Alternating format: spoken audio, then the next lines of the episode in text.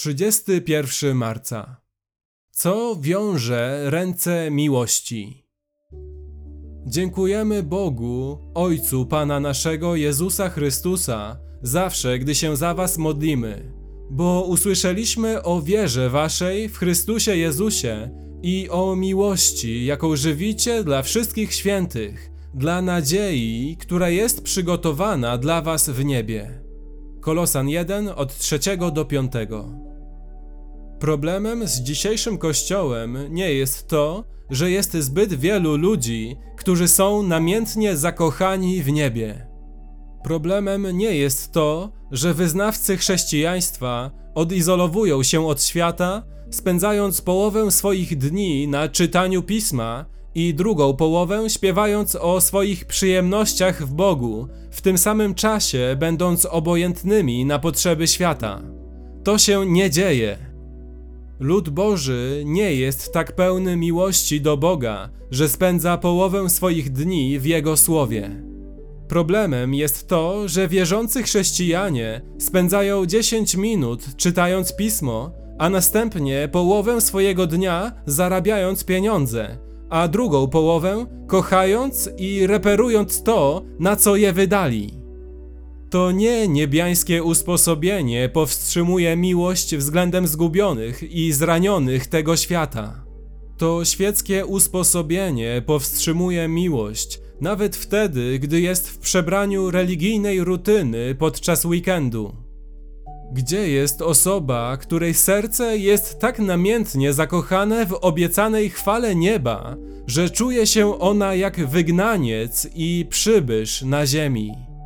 Gdzie jest osoba, która tak zakosztowała piękności wieku, który ma przyjść, że diamenty tego świata wyglądają jak szklane kulki ze sklepu z wszystkim po 5 złotych, a rozrywka tego świata wydaje się pustą, a moralne sprawy tego świata są zbyt małe, bo nie mają spojrzenia na wieczność.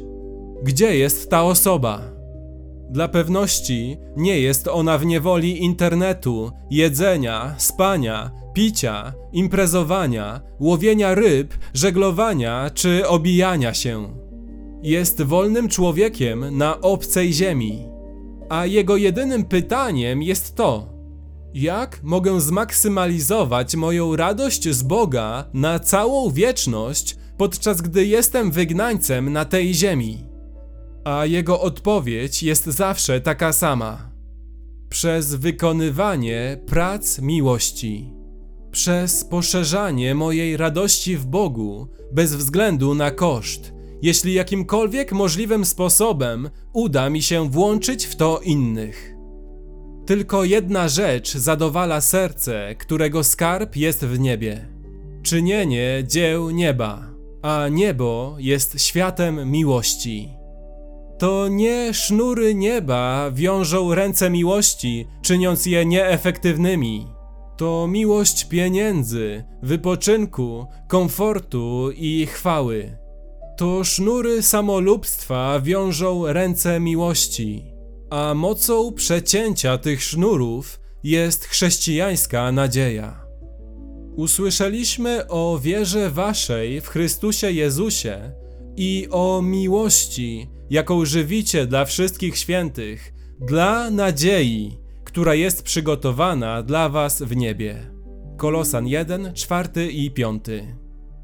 Mówię to jeszcze raz z całym przekonaniem, które jest we mnie. To nie niebiańskie usposobienie powstrzymuje miłość na tej ziemi. To światowe usposobienie.